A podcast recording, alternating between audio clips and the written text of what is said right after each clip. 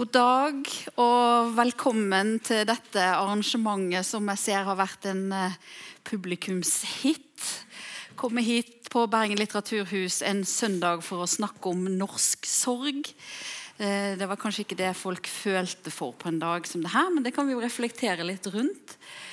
Eh, mitt navn er Anne Gjelsvik. Jeg er professor i film- og medievitenskap på Institutt for kunst og medievitenskap på NTNU i Trondheim hvor jeg leder et stort prosjekt om, eh, som vi har kalt 'Face of Terror', som undersøker mediering av terror. Uh, og vi har uh, et stort prosjekt som ser på fotografi, på film, på litteratur og andre kunstneriske bearbeidninger av terror. og naturlig nok så har 22.07 fått en særlig plass i vårt arbeid. Uh, og her i dag så har uh, Bergen litteraturfestival invitert tre forfattere som også har beskjeftiga seg med 22. juli på ulike måter. Uh, og Vi har med oss Åge Storm Borchgrevink, som har skrevet sakprosaboka 'En norsk tragedie', som var en av de første bøkene som undersøkte Anders Behring Breivik og 22. juli, og som kom i 2012. Vi har med oss Britt Bildøen, som er bl.a.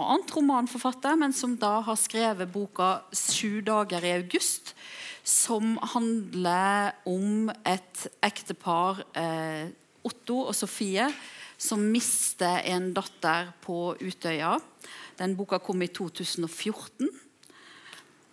Og sist, men ikke minst, så har vi med oss Cecilie Løveid, som i den siste boka si, som kom i 2017, 'Vandreutstillinger', bl.a. har tre dikt om 22. juli, men også andre dikt som på ulike måter reflekterer rundt terror. Um, så I denne samtalen så vil vi snakke litt om hva litteraturen kan gjøre i møte med hendelser som 22. Vi vil snakke litt om ulike former for litteratur. Um, og kanskje litt om andre kunstneriske uttrykk også. Um, men før vi eh, innledningsvis gir noen smakebiter på det som eh, Åge, Britt og Cecilie har gjort, så tenkte jeg at jeg ville reflektere litt rundt dette med eh, 22. juli og ord. Eh, for veldig tidlig så kom det spørsmålet opp hvordan kan vi sette ord på 22. juli? Og Det spørsmålet har blitt stilt direkte og indirekte av mange forfattere. Sist jeg gjorde en opptelling, så kom jeg opp mot ca. 100 norske bøker i ulike sjangre som på en eller annen måte behandler 22. juli. Og allerede fire uker etter 22. juli 2011 så skrev Pedro Camora Alvarez eh, i det som senere ble den første skjønnlitterære boka om 22. juli, 'Respons 22. juli', så skrev han 'Noen må si noe'. Eh, og han skrev at forfattere og diktere og sangere må prøve å forstå. De må skrive, de må synge, de må uttrykke smerte for å prøve å forstå eller forhindre glemsel skriver han i teksten sin 'stotring'. Men at det er vanskelig å finne de rette ordene, ble også veldig fort et tema. Og i den første minnemarkeringen etter 22. juli, da sa kong Harald eh, at nå er nesten alle ordene brukt opp. Eh, men vårt utgangspunkt er at vi må bruke ordene til å belyse dette på ulike måter. Og alle sammen har takka ja til å gi et lite utdrag fra sitt arbeid. Eh, Åge, du skal få begynne med eh, et utdrag fra en norsk tragedie. Um, ja, tusen takk. Um, jeg tenkte bare jeg skulle si det at da jeg begynte med dette her, um, så tror jeg jeg hadde samme utgangspunktet som de fleste andre. Jeg var ikke direkte berørt ingen jeg kjente som ble, ble, drept, selv om jeg kjente noen som var på øya. Men jeg følte en eller annen sånn uh, veldig sterk ja, et, et, et veldig stort sjokk, som alle, alle gjorde. Noe var liksom helt forrykket og annerledes. Og uh, Grunnen til at jeg begynte å skrive og arbeide med dette, her, det var at jeg lurte på hvor hatet kom fra. Jeg har bakgrunn i menneskerettighetsbransjen, så uh, jeg har jobbet mye med, med, med terror og krigsforbrytelser og, og, og, andre ting, og gjerne langt unna Norge. Um, så nå skulle jeg skrive om, om Norge. Og jeg hadde, trodde jeg skulle skrive om høyreekstremisme i Europa, men etter hvert som jeg jobbet med prosjektet, eller jobbet med denne undersøkelsen og, og kom dypere inn i materialet, snakket med flere mennesker, leste mer om um, ja, om, om, på en måte, om gjerningsmannen, rett og slett. Jeg fikk tak i mange dokumenter om det. Så endret jeg syn på det. Så det som på en måte jeg trodde skulle handle om, om høyreekstremisme, nettradikalisering og større politiske temaer, endte mer opp som en, en, en biografi. Um, en slags biografi om en dannelse av hat. Og jeg fokuserte mye på, på gjerningsmannen. Og en av de eh, vitnene jeg snakket mye med, var stemoren til Anders Behring Breivik. Og dette her er en historie hun fortalte.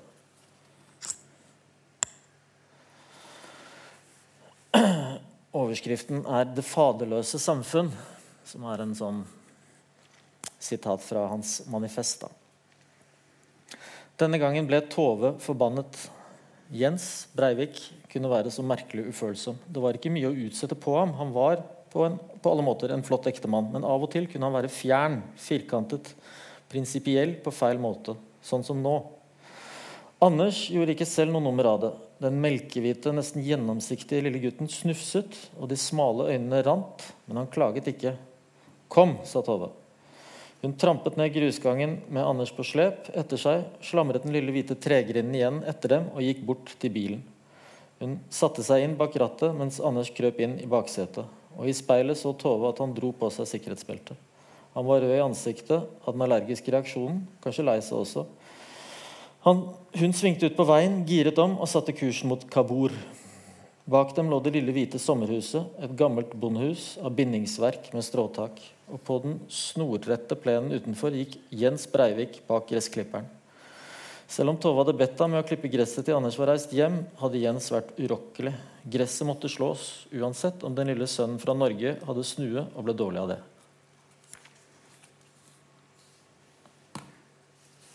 Takk skal du ha. Eh, Britt, du skal få lov å velge, eller du har fått valgt et utdrag fra fortellingen om Sofie og Otto. Ja, jeg har også lyst til å si litt ja. grann, eh, som respons på det du innleda med. Da, at uh, jeg følte jo at det var et veldig pes etter, uh, etter 22. juli til forfatteren om å skrive om det. Mm. Uh, og jeg husker at jeg reagerte veldig sånn sterkt på når liksom, første høsten etter ja, et år etter terrorangrepet at kritikerne spurte, etterlyste hvor er forfatterne. Liksom? Hvordan skal du klare å skrive en, en, bok om dette her før du har fått lov til å reflektere over det? Og jeg tenkte også i, i den første tida så ville jeg jo bare ha virkeligheten. Jeg ville ha fakta. Jeg ville vite mer om det som hadde skjedd. Jeg ville vite mer om bakgrunnen for det. Så det at Åge sin bok kom ut så kort tid etter, var jo veldig veldig bra, veldig nyttig. Eh, og, og jeg hadde overhodet ikke noe behov for å lese noe litterært om dette her den første tida etterpå. Og så kom jeg å si det lengst da, på en måte inn i dette her som romanforfatter, og, det, og endte opp med å skrive en av de første romanene som faktisk handler, eller har den tematikken. Um, men da var jeg faktisk for min egen del nødt til å legge den fram i tid. Så denne romanen foregår i 2019. Åtte år etter. Så den er sakte i ferd med å innhente seg sjøl i tid. Så i august i år så kommer det til, den, til å foregå i, i, real time, for å si det sånn. De lysende taler på klokkeradioen fortalte Sofie at hun måtte ha sovet i minst ti timer. Lufta klam og tett, lakenet vått av svette. Det hadde vært som å ligge i en dam. Regnet tromma fremdeles mot takvinduet. Hun strekte en arm bort etter lakenet. Otto satt på sengekanten, så mildt på henne og gav armen hennes et lett trykk. Kom ned, sa han. De har ekstrasendinger om stormen i natt. Det er ille. Nede i stua sto TV-en på. Sofie satte seg i sofaen og dro et pledd over seg. Det gikk ei stund før det hun så på skjermen, ga mening. Bilder av en stor villa som ble tatt av strømmen og ført nedover ei vill og flaumstor elv, hang ikke sammen med det kommentatorstemma sa. Otto satte seg ned ved sida av henne. Det kan være flere døde, sa han. Mange savna. En amatørvideo viste hvordan ei elv var i ferd med å rasere ei bru. Vannet nådde nesten opp i veibanen, der en båt, flere trestammer, greiner og planker hadde kilt seg fast og lå stanga inn i bruelementer. Sofie kjempa seg opp, og med pleddet rundt seg gikk hun bort til et av vinduene. Det regna ikke lenger så tungt som det hadde gjort om natta og kvelden før. Byen lå der våt og grå under skyene som på en vanlig regnværsdag. Men vinden ulte og peip fremdeles. Bak henne dukka det opp en meteorolog på skjermen som forklarte hvordan langvarig tørke kunne føre til at jorda ikke klarte å absorbere regnet. Flere eksperter kom til. Ordene som en gang hadde karakterisert det ekstreme, var blitt dagligtale. Ekspertene kunne like gjerne ha snakka om brunost og grovbrød. Folk så ut til å ha akseptert at disse abrupte skybrottene, hyppige stormer og uker med tørke nå var å regne som normalen. Otto smurte et par brødskiver som de åt framfor TV-en. Han tok uten å ense smaken og kjente det som vannet steg rundt føttene på han. Det var umulig å rive seg løs fra skjermen, selv om de fleste innslagene etter hvert var repetisjoner. Slik kunne de blitt sittende hele dagen, som de hadde gjort under lignende TV-dekte katastrofer. Otto skotta bort på Sofie. Hun var blåhvit i huden, i lyset fra TV-en en farge som sur mjølk. Hun styrte mot skjermen, men det virka som om hun var en annen sted. Åtte år siden, tenkte han. Åtte år, om lag en måned siden de satt i samme sofaen, men i et annet hus på en annen kant av byen. Da fikk de også en katastrofe inn på skjermen. Starten på den katastrofen som skulle vokse inn i og ta over livet deres. Først var det bare røyk, ruiner, sirener, støv. Så kom glimtet av mennesker som stavra forvirra rundt. Blod i ansiktet, blodige klær, ambulansefolk og politi som prøvde å få kontroll. Det gikk ikke lang tid før de første tekstmeldingene peip inn. Slå på TV-en, er det i god behold? De begynte å ringe rundt til familie og venner, og mens de forsikra seg om at de næreste var i trygghet, begynte en ny tragedie å utspille seg, denne i regnet på øya. Og de hadde vært redde for at hun skulle bli forkjøla. Takk skal du ha, Britt. Cecilie? Ja. Um, så lenge jeg har skrevet, så har jeg jo uh, brukt Eller kommet til å skrive om det politiske Eller det, det, um, det som kan uh, ramme mennesker som ikke planlegges av de menneskene, men som liksom skjer. Og det kan hende at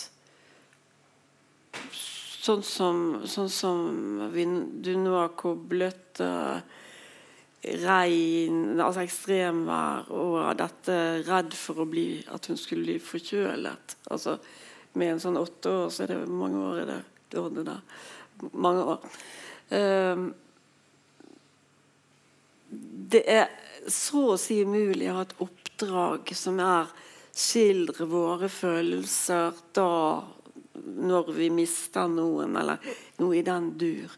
Men i, i, i, i kulturhistorien så har, vi, så har, vi, jo hatt forskjellige løsninger på det. Vi har hatt, vi har hatt nærmest skjema for hvordan slike ting skal gjøres. Og de, de alvorlige, si, alvorlige, hendelser, der har det nesten vært bestillingsverk. Det har nesten vært uh, uh, embeds, altså Noen i embetsmedfør har fulgt med en hær, f.eks. For, for å skrive om det eller skildre, skildre det uh, rett på, rett og slett. Krig har vært en ærefull greie i navnet, i hvert fall. Um, sånn at en seier her kan, kan bestille et, et maleri f.eks. av et slag med grusomme hendelser. Uh, mm, så, så, så, så, kunstnerne har jo også latt seg bruke til dette formålet. Og da er det jo ingen som har spurt om det passer de å skrive eller tegne eller male eller fortelle. Eller. Da er det jo bare å gjøre det. ikke sant? Og så er det med en, med, med en uh, klar adresse. Det er noen som er helter, og noen som er skurker, og noen som er beseiret, og noen som har seiret. Um, hvis vi tar Anders Behring Breivik så, så, så er ikke jeg på noen kanal hvor jeg har uh, sett hyldningsdikt til ham, f.eks. Men det kunne vi jo ha forestilt oss at det kunne ha skjedd.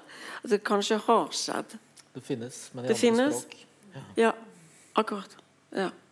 Så, så selv, selv, dette som er så ja, utrolig rart for oss, så, så, så, kan vi faktisk kulturhistorisk forklare det. Eller, eller ha en uh, altså Det er ikke helt utenom histor historikk, liksom.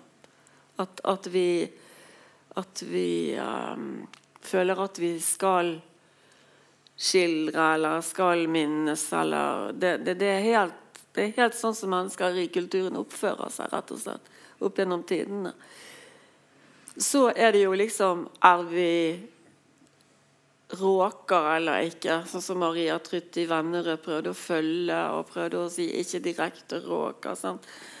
Uh, og jeg tenkte um, Jeg har alltid tenkt at um, at uh, vi F.eks. Når, jeg, når, jeg arbeider med krigslyrikk, for eksempel, eller altså type annen verdenskrig, Inger Hagerup, Nordahl Grieg uh, osv., så, så, så tenker jeg at, at, dikteren tar på seg et vi, et stort vi. Og, og det, det er, virker som om det ikke er så lett i dag å ta på seg det store vi den vi-identiteten. Jeg vet ikke riktig hvorfor. Det kan vi kanskje, kanskje tenke oss. Men, men uh, Det skjedde jo litt med rosetogene og slikt. Da ja, var det jo en for ja. hele nasjonen trakk sammen, og pronomene endret seg. liksom. Ja, men jeg, skal sverge, jeg sverger på at det satt noen og tenkte faen, altså. Roser. Altså. Ja. Det går Britt. Jo, jo det, det, det kommer automatisk. Altså, vi, altså det, det, det var et grep, det der som var flott og fantastisk. Mm. Men det var et grep. Altså, vi, vi, vet jo alle hva en ag aggressor kan gjøre i en mengde. Altså, det kunne jo fort snudd. Så, så, men, men, men, vi la oss jo liksom pent til rette da og aksepterte det. Og så var vi, så var vi um, Alle var litt sånn shaky. Det var en sånn Akkurat som det hadde vært jordskjelv, og det jordskjelvet fortsatte i kroppene til alle sammen. liksom. Og det var, det var ikke til å ta feil av. Det var ikke noe Alle var i virkeligheten råka, sånn som jeg opplevde det. Så, så dermed så Jeg følte ikke at jeg var en som skulle liksom poppe opp der midt i, i rykende ruiner og så skildre eller fortelle om liksom, hvor grusomt dette var, eller noe sånt. Det, det, var utrolig vanskelig å gjøre det. Altså, jeg følte at jeg skulle gjøre det, burde gjøre det, men, men eh, at jeg fikk det ikke helt til. Og så gikk det masse tid. Og så Nei, det gikk ikke masse tid. Først så tenkte jeg at uh, ok, det var kanskje ikke noen vi kjente der, eller noen vi var i familie med. eller noe sånt.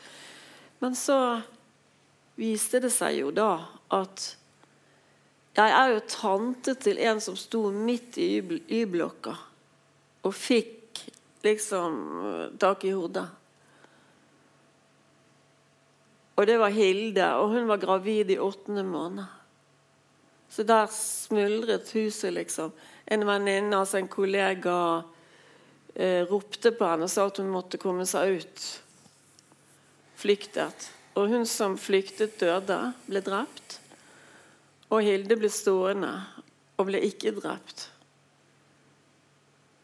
Men Og det var en sånn kjede av uh, Kjede av um, tanker rundt det, fordi, fordi, at plutselig så får du det der uh, dikterens dilemma. Du, du kjenner noen, du har noe helt spesifikt.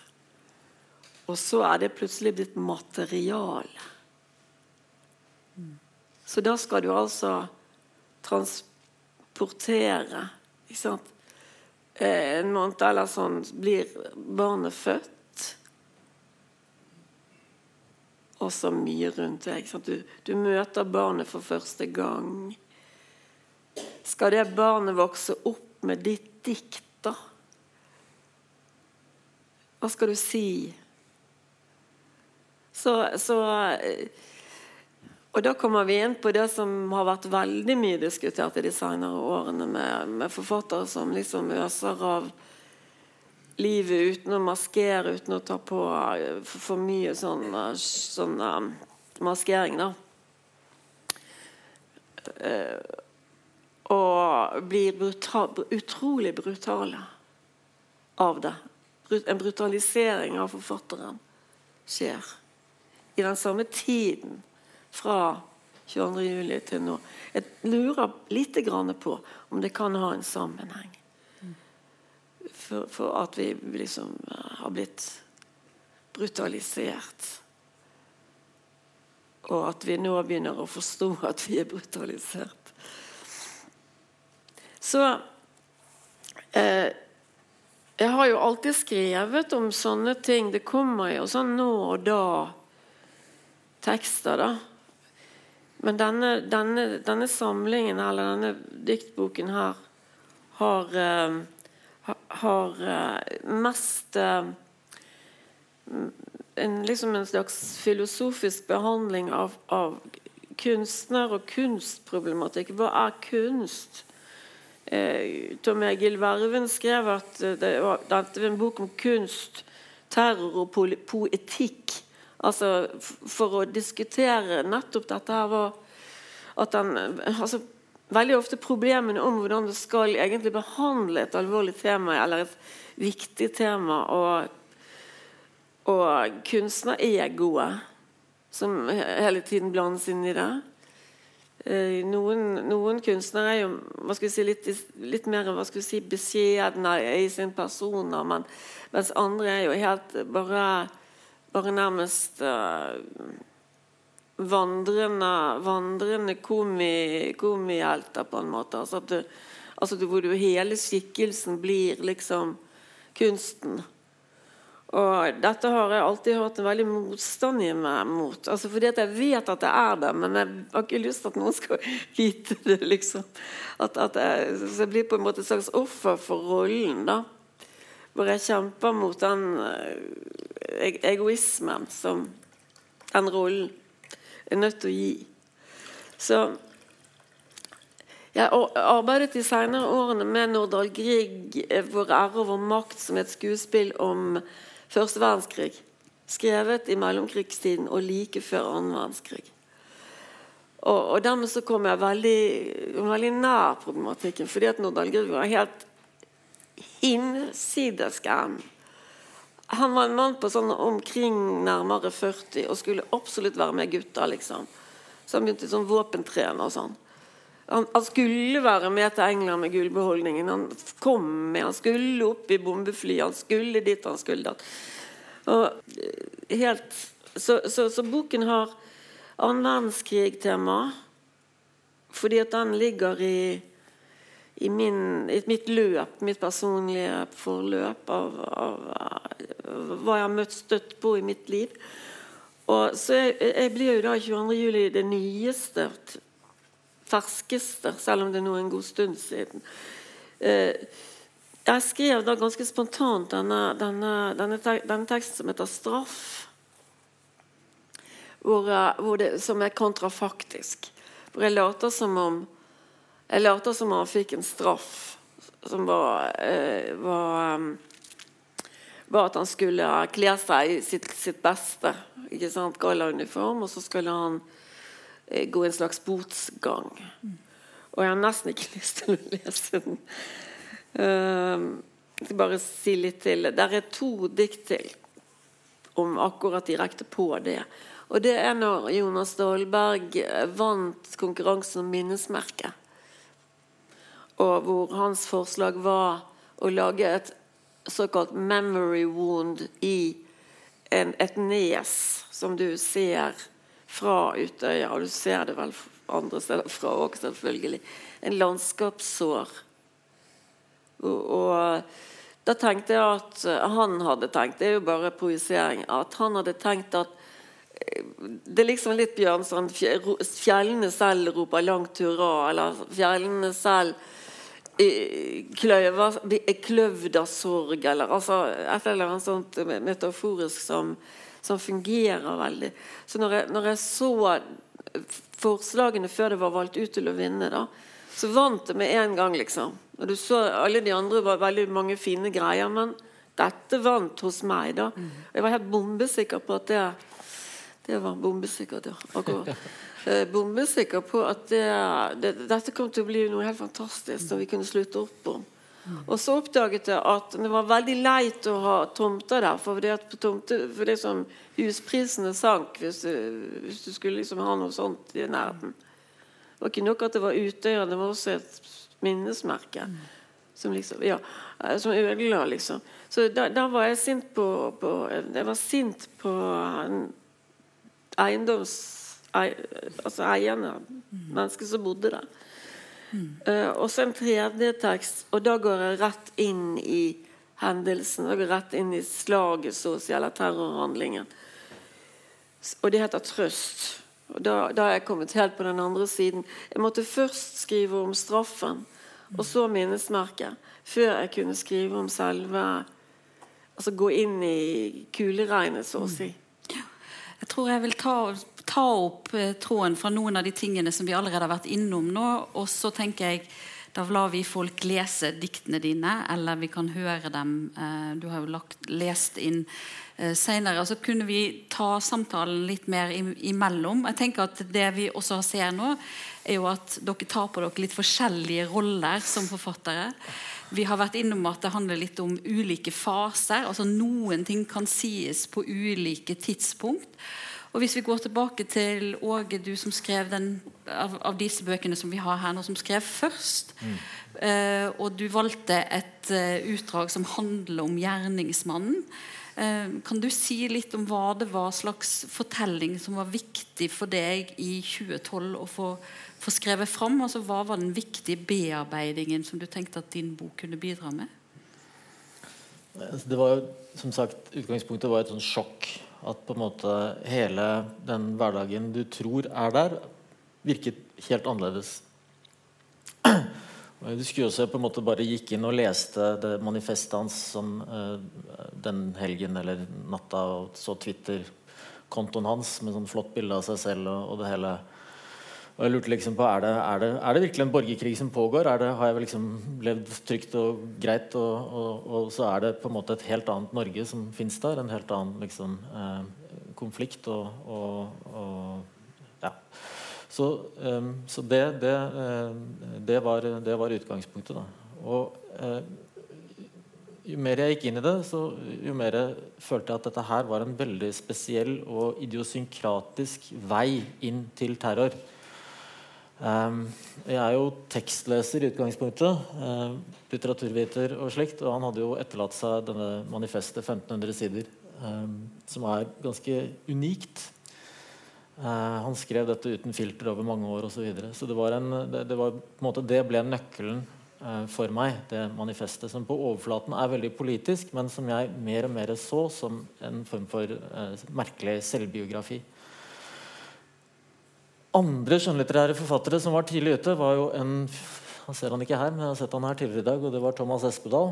Han, eh, han skrev om Breivik på en sånn skisseaktig måte. Jeg husker ikke hvilken bok, om det var Bergeners eller hva det var. Men i hvert fall hvordan eh, han, han gjør et poeng av at um, Breivik som en sånn Gregor Samsa-figur, altså Kafkas metamorfose, forandringen. Og det er på en måte det jeg skriver om, jeg også. Eh, noen kaller for på en måte eh, avatarsyndrom. Altså, eh, han var jo en dataspiller i, i veldig stor grad. Jeg skriver mye om det. Og eh, etter at han på et tidspunkt i sitt liv trakk seg tilbake og mer eller mindre gikk online, spilte dataspill og deltok på sånne eh, høyreekstreme nettforumer, så begynte han å skrive dette manifestet og bygge seg opp sin egen avatar ridder Justitiarius-skikkelsen. Eh, en, en, krigersk intellektuell. Det var det han ville være. Um, og så fullbyrdet han det hele da, med å gå ut og, og faktisk gjøre dette her uh, selve, selve, den dagen. Så uh, nei, Det som ble viktig for meg, var på en måte å vise litt hvor, hvor spesiell hans vei mot terror var. Hvor liksom lang den dannelsesprosessen for hatet hans var. altså det tar utgangspunkt i en sånn barnemishandlingshistorie fra da han var liten, og gjennom en veldig spesiell ungdomstid, som også var spesiell for Oslo by. Og så videre i en sånn der modningsprosess i denne tiden hvor han er i hovedsak online hjemme hos mamma. Um, og isolerer seg fra verden og, og fantaserer fram denne, denne ridderskikkelsen som han da går, går inn i. Da. Så så det, det, ble på en måte mitt bidrag. og Denne boka kom tidlig, men den kom etter 22. juli-kommisjonen, f.eks., mm. som fokuserte på beredskap og nettopp ikke gikk inn her.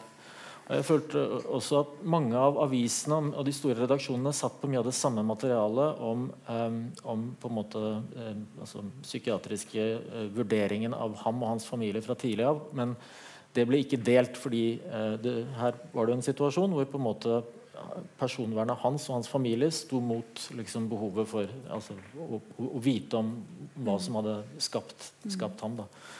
Og eh, eh, Der valgte redaksjonene i Norge veldig forsiktig, og jeg valgte mindre forsiktig. Eh, men det er lettere kanskje når du skriver en hel bok og, og ikke må forholde deg til bitte små formater med mye overskrift. og, og slikt da. Men i hvert fall så jeg følte at dette, dette, var på en måte det jeg kunne bidra med. Og for meg så var dette en, en, en viktig brikke. Ikke noen ikke noen hel forklaring.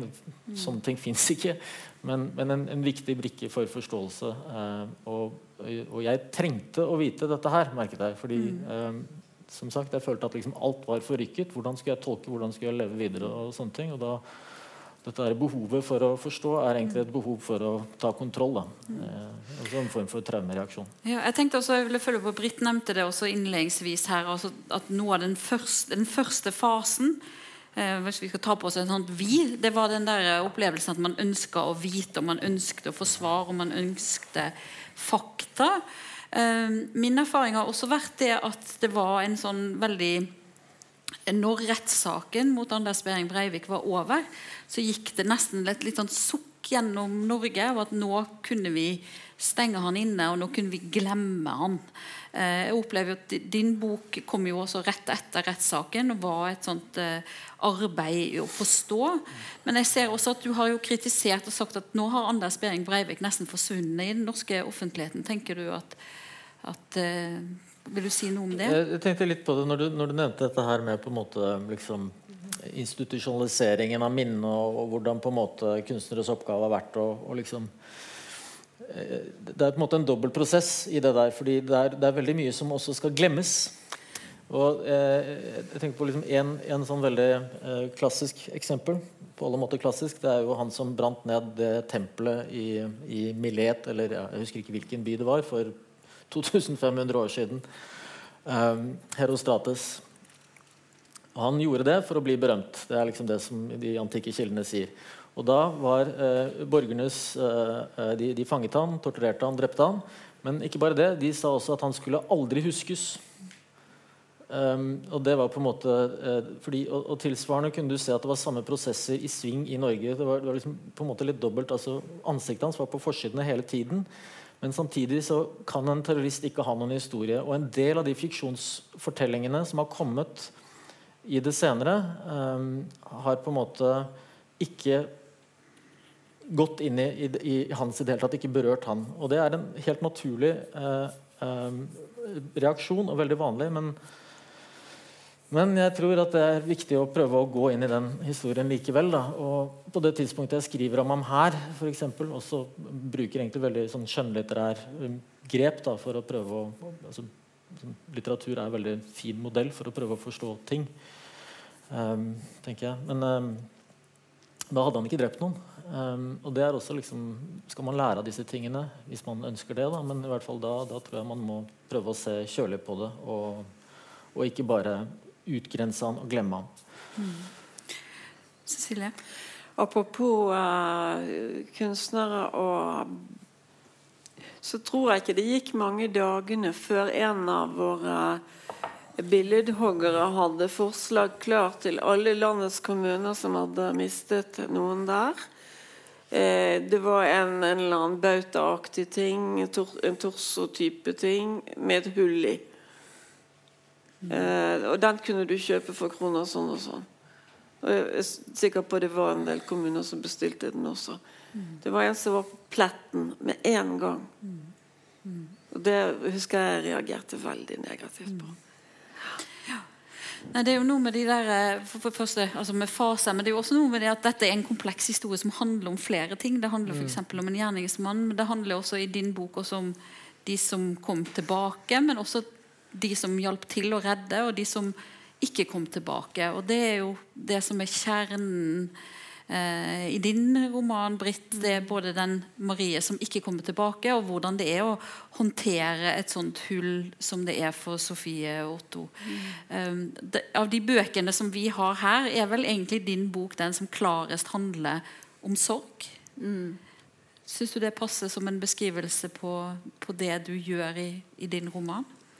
Ja, altså det som uh, var viktig for meg når jeg begynte å skjønne at denne boka her skulle ha en direkte tilknytning til uh, Utøya og, og skytinga der, uh, det var jo det at vi trenger jo ikke flere historier om det som skjedde på øya. Vi har det overlevende, vi har øyevitner til det, som kommer med sine historier. Det var ekstremt viktig for meg å liksom det er deres historie, og det, der skal ikke jeg gå inn.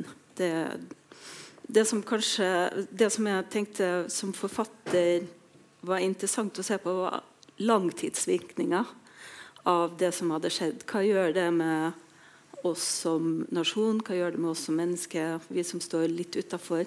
Og hva gjør det med dem som faktisk eh, ble direkte berørt av dette her? Så boka mi handler jo på mange måter også om den der konflikten mellom den offentlige sorgen og den personlige sorgen som disse to hovedpersonene mine må gå gjennom. Og det raseriet som da Sofie føler altså Jeg gikk jo i rosetoget, og jeg syns det var en helt nødvendig prosess å liksom på en måte samles i noen uker som et vi, og, og på en måte ja, eh, men det som vi i ettertid fikk vite, var jo at mange følte seg ganske utenfor. Eh, at det var ikke plass til raseriet, det var ikke plass til sorgen i det veldig Vi svarer på denne volden med kjærlighet og roser, liksom. Men er det noen som har tatt Behring Breivik med til f.eks. Domkirken i Oslo dagene etterpå og vist ham blomstene? Altså, har, har, har han sett disse manifestasjonene. Hva ville poenget vært med det? Nei, men Det er sånne ting jeg tenker på. da. Altså, kunne, Det kunne vært et dikt. Han som, han som leies forbi. Eller altså ja, Nei, poeng Nei, men altså, det, det, det, er ikke noe poeng. Det er jo nesten poengløst, men allikevel. Altså Syns du det? skulle vært vitsen med det? Jeg, jeg, på, jeg, kan, jeg kan skjønne at måte det er eh, At du skulle ønske at han, at han ser at han forstår Han er jo et menneske. Jo, men ja. mm, Det er han ja. jo, ikke sant? Så du skulle ønske at han forstår hva han har gjort. Men eh, hvis du ser på hva slags person han er, så er vel noe av det som er spesielt med han at han aldri kommer til å forstå hva han har gjort. Fordi han har virkelig ganske store utfordringer med å liksom omgås sosialt og på en måte personlige bånd og, og, skjønne andre mennesker.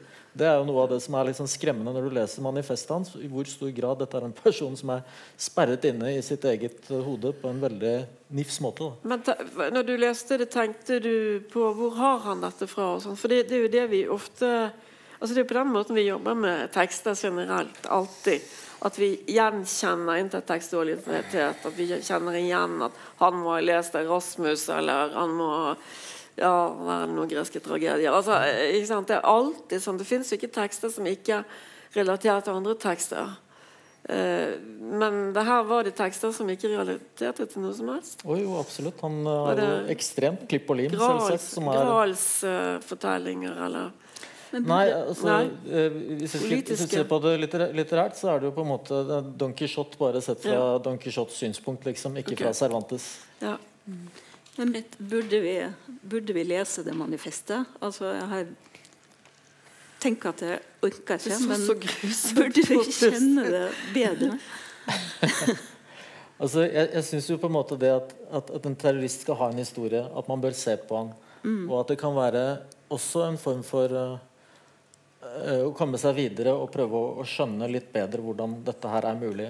Jeg tror at Hvis du på en måte lar han være en stor gåte, mm. så er det også en fare at han på en måte At hans egen versjon til slutt vinner fram. Altså hans store, skumle terroristfiguren, som, altså denne ridder-avataren som han selv skaper, at det er den som blir stående. Det er jo litt av den problemet jeg har hatt med noen av den, altså den amerikanske filmversjonen. Der syns jeg på en måte at de tar og, og liksom uh, Med den amerikanske den. filmversjonen så tenker du på Paul Greengrass i 22nd ja, July, som nå finnes på Netflix. Mm. Nettopp. Men, uh, men, hvis jeg skal svare på spørsmålet ditt, så vil jeg si at uh, en så stor jobb ønsker jeg virkelig ingen. Altså, det er 1500 sider. Det er først og fremst ekstremt kjedelig, repetitivt og helt uh, meningsløst, mye av det, føler jeg. Men han har liksom noen steder, bl.a. sånn 60 siders intervju med seg selv, hvor han besvarer sine egne spørsmål med 'godt spørsmål'. Altså, du, du, får på en måte en, sånn, eh, en, forståelse av en person som er sperret inne. Da. Mm.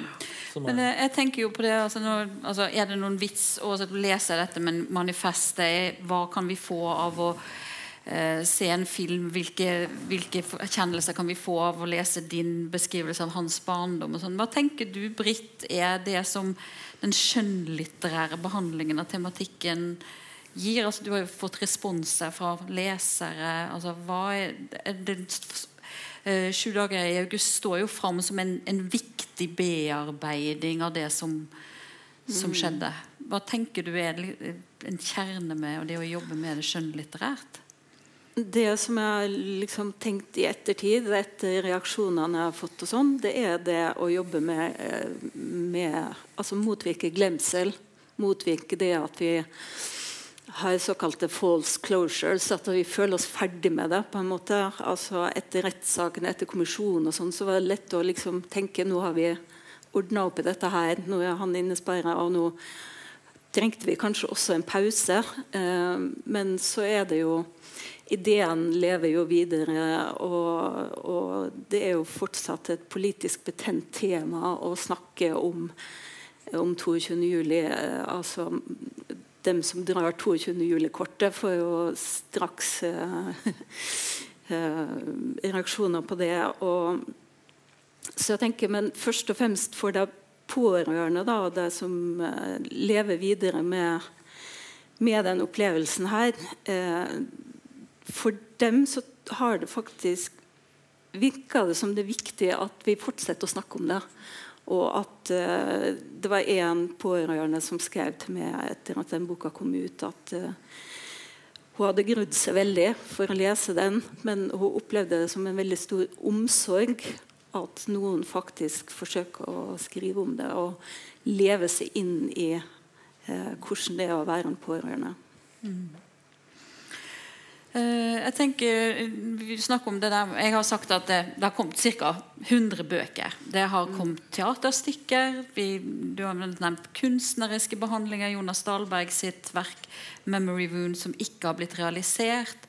Vi har fått en serie filmer i det senere. Er det liksom, Syns noen av dere at det fremdeles er noen sånne behov? Ting som eh, kunstnere ikke har tatt opp? Som vi burde som vi, liksom, Er det noen savn? Er det noen Det var et spennende spørsmål. Mm. Ja. Ja, Det kommer nok til å komme. Du er jo innom dette med det, det politisk betente, f.eks. Ja, jeg føler jo det at, eh, at vi kommer ikke noe videre med dette her før vi på en måte tør å snakke om det, den politiske motivasjonen som ligger bak. Og jeg føler at vi prøver liksom å ha litt sånn skylapper i forhold til høyrepopulismen som får stadig større tak, og, og Behring Breivik har jo sine tilhengere. og dette har, Det stopper jo ikke opp. Um, Det kom en, en har poppet opp en diskusjon rundt Blade Runner. Hvor Toril Moi har skrevet en lengre, et lengre essay. Og jeg hørte en, jeg lurer på om det var en podkast hvor, hvor man snakket om uh, statusen til disse avatarene, eller disse falske altså bi- biomatene, jeg husker ikke hva de kaller dem for. Uh, ja, uh, de var, de var Androidene der. ja, de, de kan man jo bare drepe, for de, de, de er jo ikke mennesker. ikke sant? Og så eh, vansken da når det oppstår kjærlighetsforhold mellom, mellom et menneske og en androide At de plutselig så klarer vi ikke å skille, skille glinten fra hveten. De, de, de blir menneskeliggjorte. Eller de blir mennesker. Så ja, hva var det jeg ville med dette, da? Altså, det var jo da Behring Breiviks alter ego. Hva er et menneske, egentlig? Ja.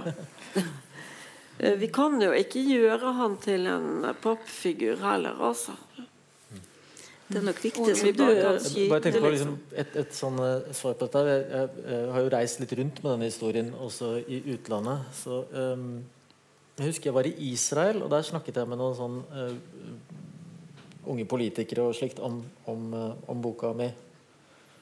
Og så, uh, Dette var liksom på kvelden, og så ble det litt seint, og, uh, og sånt, og så var det en av disse her som sa til slutt at ja, ja, jeg skjønner jo at du som nordmann ikke er så fan av Breivik og slikt, men uh, det skal sies at han hadde noen veldig gode poenger, og dessuten var han jo veldig kjekk. Så, og det, um, eh, ja, det liksom ehm, Men det det egentlig fortalte meg, er at jo, jo fjernere du kommer fra liksom, eksplosjonsstedet og, og ground zero for dette her, jo større altså jo, jo, måte, jo mer lever hans egen versjon av seg selv og handlingen. Eh, fordi det hun fortalte, var igjen denne ridderskikkelsen. Og den, den lever der. Og det har jeg sett også i, i Russland, f.eks. Eh, og flere andre steder. Og det å fortelle da på en måte eh, litt om altså bare dannelsen hans, er ganske sånn eh, ja, En form for motgift, da, vil jeg si. Fordi, eh, Ja, men tenk deg pil pilegrimsfortellingene sett fra arabiske lands side.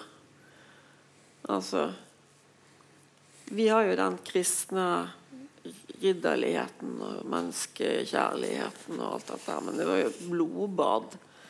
De sendte barn uti. Altså, altså det er vanvittige fortellinger rundt det. Men jeg tenker også En av de tingene som har vært slående for meg som jobber med mediene, og primært egentlig å beskjeftige meg med film som medium, så syns jeg det var veldig slående i 2017 når man hørte at Erik Poppe laga en film om hendelsene på Utøya, så var reaksjonene veldig sterke på at det skulle bli film. Eh, og nettopp det der Britt sa innledningsvis her med at forventningene om at forfatterne måtte skynde seg å skrive, og at man måtte levere eh, noe om 22. juli, så var reaksjonene helt annerledes i møte med film. Og da var noe av det som var dominerende da, var nettopp at det var for tidlig. Og at det var for sterkt eh, å behandle dette i, i filmmedia. Har dere noen refleksjoner rundt hva de ulike kunstuttrykkene kan og bør gjøre i møte med sånne Vi, vi tror fremdeles at film er ekte. At når vi får se det på film, så er det sånn som det var. Det? Altså Et eller annet sted tror vi det. Det er på en måte litt enig i det at det er en slags sånn annen standard for, for, for film, for den type representasjon, enn det er for, eh, for bøker. Så du kan jo lage et slags hierarki av det. Og sånn sett så var det jo også litt altså Det kom jo tre filmer i fjor, vel. Altså En dokumentar og Kloppes film pluss denne Greengrass-filmen. Og den dokumentaren, som var svensk-norsk um, 'Reconstructing Utøya'. ja. Eh, altså veldig interessant og slikt, men, men begge de to valgte veldig eh, altså perspektivet til uh, ofrene. AUF-perspektivet. Um, så det er det som er begynnelsen. Og de på en måte antyder jo at her vil det komme flere historier. Og um, NRK kommer vel med en serie nå veldig snart. Og i den så tror jeg du, du kommer til å bli en, en, sånn forsøk på å fange flere perspektiver enn bare dette her. Den er jo helt intens, den der poppefilmen. Den, den, har jo den, mm. den har jo det perspektivet kun fra på en måte de forvirrede, redde barna. Starter med dette her bildet av den jenta som sier eh, 'Dere kommer aldri til å forstå'. Som du etter hvert skjønner er en del av hennes telefonsamtale, men som på en måte er poetikken til filmen. da og så er det dette, eh, dette eh, liksom bare fokuset på, på, detaljer hele tiden. Løsrevne ting, jord og sånne ting. Slik at gjerningsmannen selv er jo bare til stede egentlig som smell. Skuddene. Mm.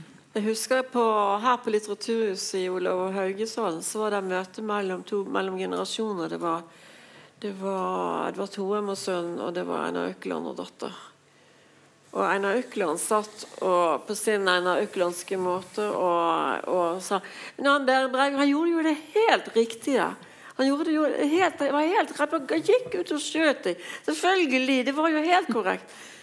Så folk sånn, Hva i all verden er mannen sitter og sier? ikke sant? Så det er jo helt logisk at Breivik skulle ta AUF. Det var jo hovedfienden. Men han sa det jo på en måte sånn at du trodde at han var blitt sprø. ikke sant? For han, han, Den øklandske måten funket plutselig ikke. For vi tenkte nå er Einar Økland gæren.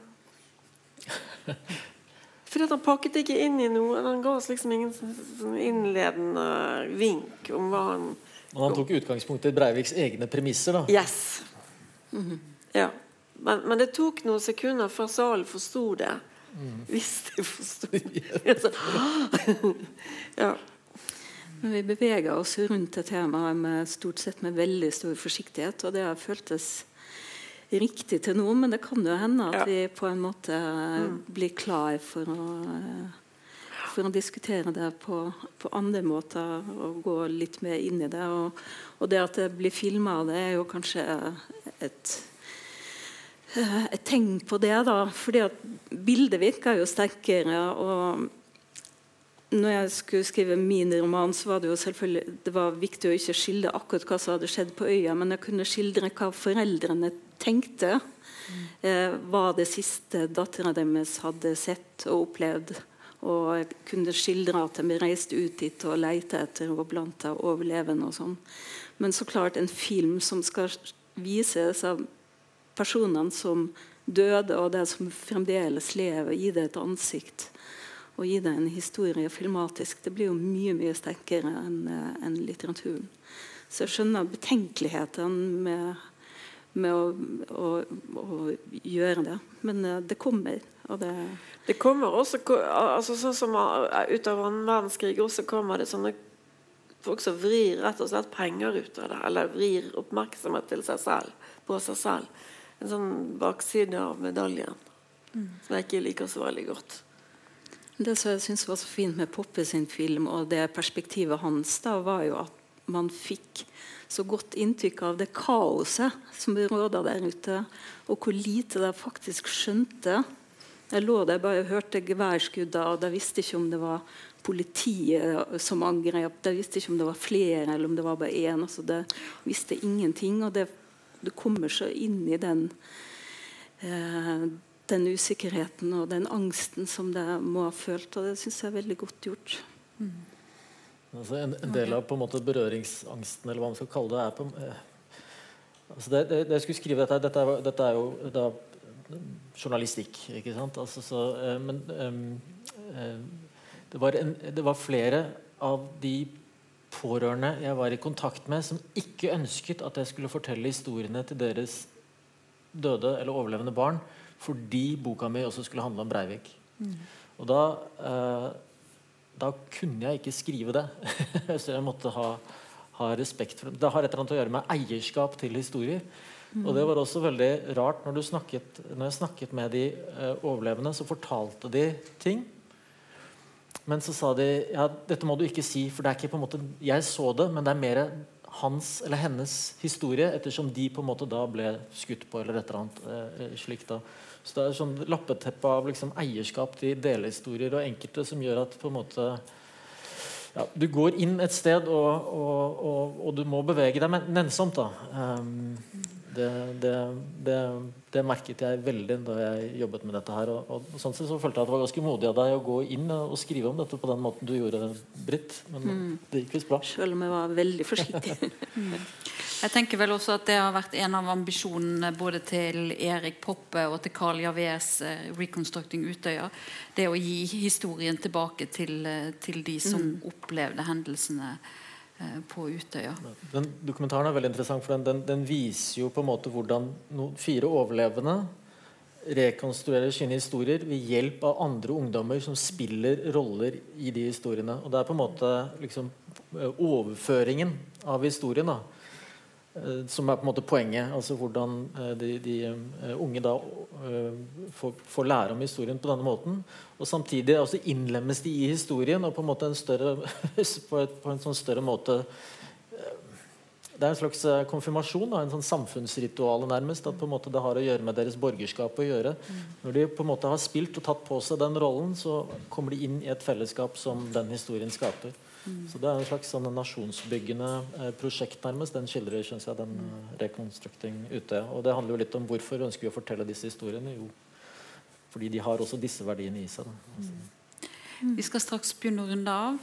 Cecilie, du ville Jeg har jo ikke lest, lest ennå. Skal vi avslutte med at du, ja, du er klar for å lese? Litt trøst? litt trøst ja.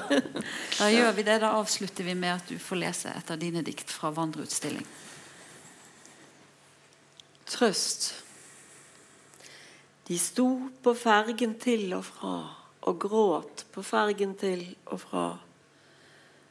Noen sto på fjordens bunn som siv, og noen lå i vannet. Noen fløt under vann, noen lå på stien, noen gjemte seg under hverandre. Noen er døde, noen er levende. Noen er blodige. Noen er knekket. Noen står på fergen til og fra. Det går nok. Men se. Noen kommer flyvende lavt over vannflaten. Det er tesekjerringer med sus i serken. Det er knerten som synger. Det er lobbethus. Han har bursdag. Det er Tøffe Tøflus som kommer. Han snurrer film. Der kommer Klatremus Lillemann. Han har egne striper og gitar. Der kommer Karsten og Petra, selv om de strengt tatt er litt for unge til dette. Ingen vet hva som skal skjules for alltid, og hva som må huskes og fremheves. Og når det skal komme svar, og når det skal komme svar på vanlige spørsmål. Men de trøster så godt de kan, disse englene. De er der for alltid på fergen, til og fra, til og fra, når du gråter på fergen til og fra. Takk skal du ha. Takk til alle tre, og takk for nå.